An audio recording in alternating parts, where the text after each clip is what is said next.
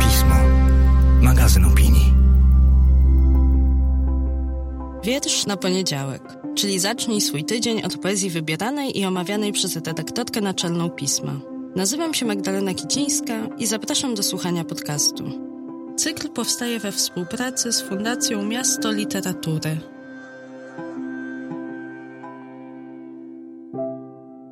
Dzień dobry, cześć, dobry wieczór. Witam Was w kolejnym odcinku podcastu Wietrz na Poniedziałek, w kolejnym odcinku styczniowym, ciągle noworocznym.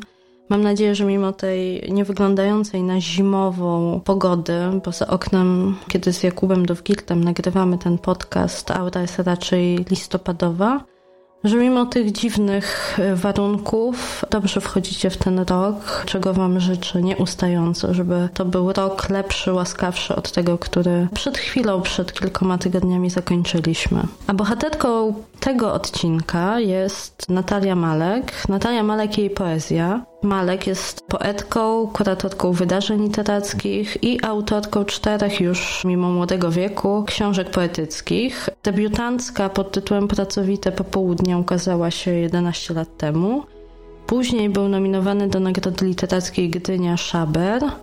Później jeszcze Kort, który nominowany był znowuż do Gdyni, ale i do Nagrody Wisławy Szymborskiej w 2018 roku. A w ubiegłym roku ukazał się Karapax. Ostatni, jak na razie, tom tej poetki. Poetki, której poezja dla mnie, tak jak ja obserwuję współczesną polską poezję, trochę się sytuuje na uboczu głównego nurtu, co przynajmniej z mojej perspektywy jest komplementem. Bardzo lubię po tych nie głównych ścieżkach, tylko pobocznych się poruszać i patrzeć, co autorzy i autorki piszą, jak piszą, o czym w jaki sposób komponują swoje teksty. I zdecydowanie Natalia Malek jest jednym z ciekawszych głosów właśnie w tym obszarze, na tych poboczach, które podkreślam, nie są mniej istotne i nie są mniej ciekawe niż to, co na tej głównej ścieżce poetyki polskiej się dzieje. Malek od kilku lat współtworzy też cykl feminariów pod tytułem Wspólny Pokój w Staromiejskim Domu Kultury w Warszawie prowadzi spotkania na temat literatury krajów anglosaskich i na temat związków literatury, poezji i sztuk wizualnych.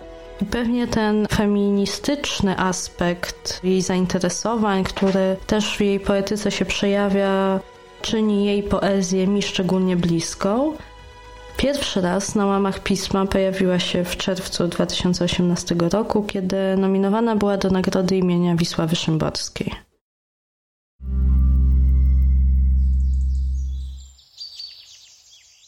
Natalia Małek w malarstwie i poezji. W spodziewał się czegoś innego. Gmach obłożony piaskowcem i stróżówka, z której odchodził zapach cytryn i głos radia, też go zaskoczyły. Stanął w bramie.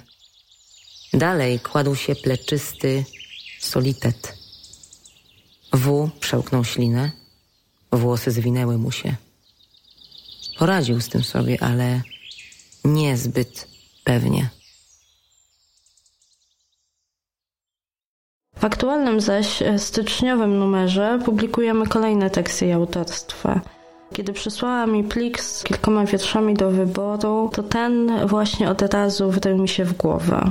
Za chwilę Was z nim zostawię. Bardzo ciekawa, czy i do Was trafi w ten sposób, w jaki trafił do mnie, czy, czy też się z nim skleicie, czy jakoś odnajdziecie swoje emocje, czy spostrzeżenia w tych wersach, które zapisała Malek. Dlaczego one stały się mnie tak bliskie?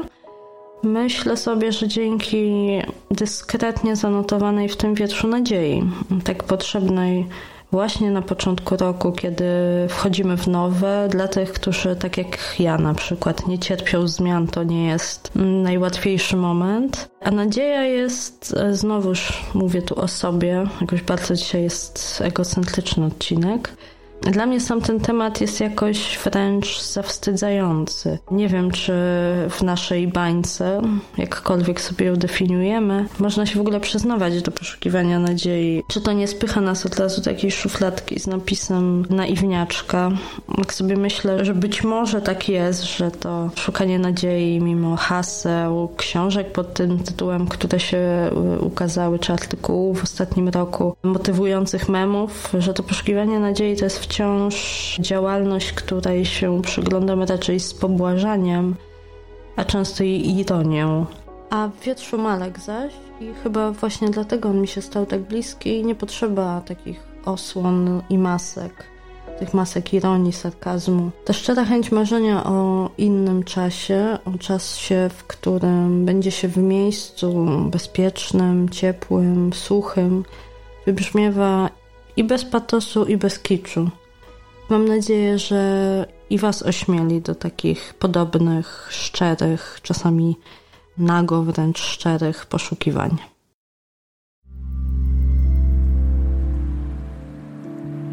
Natalia Małek, 20.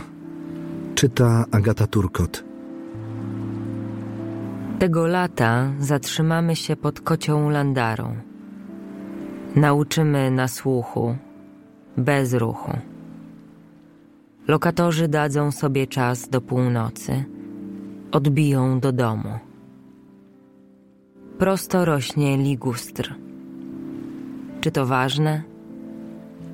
Ważne, jak i to, że pilśń zamokła. Lecz nie zamokły flausze. Nikt się nie przeziębi i nie przestanie oddychać.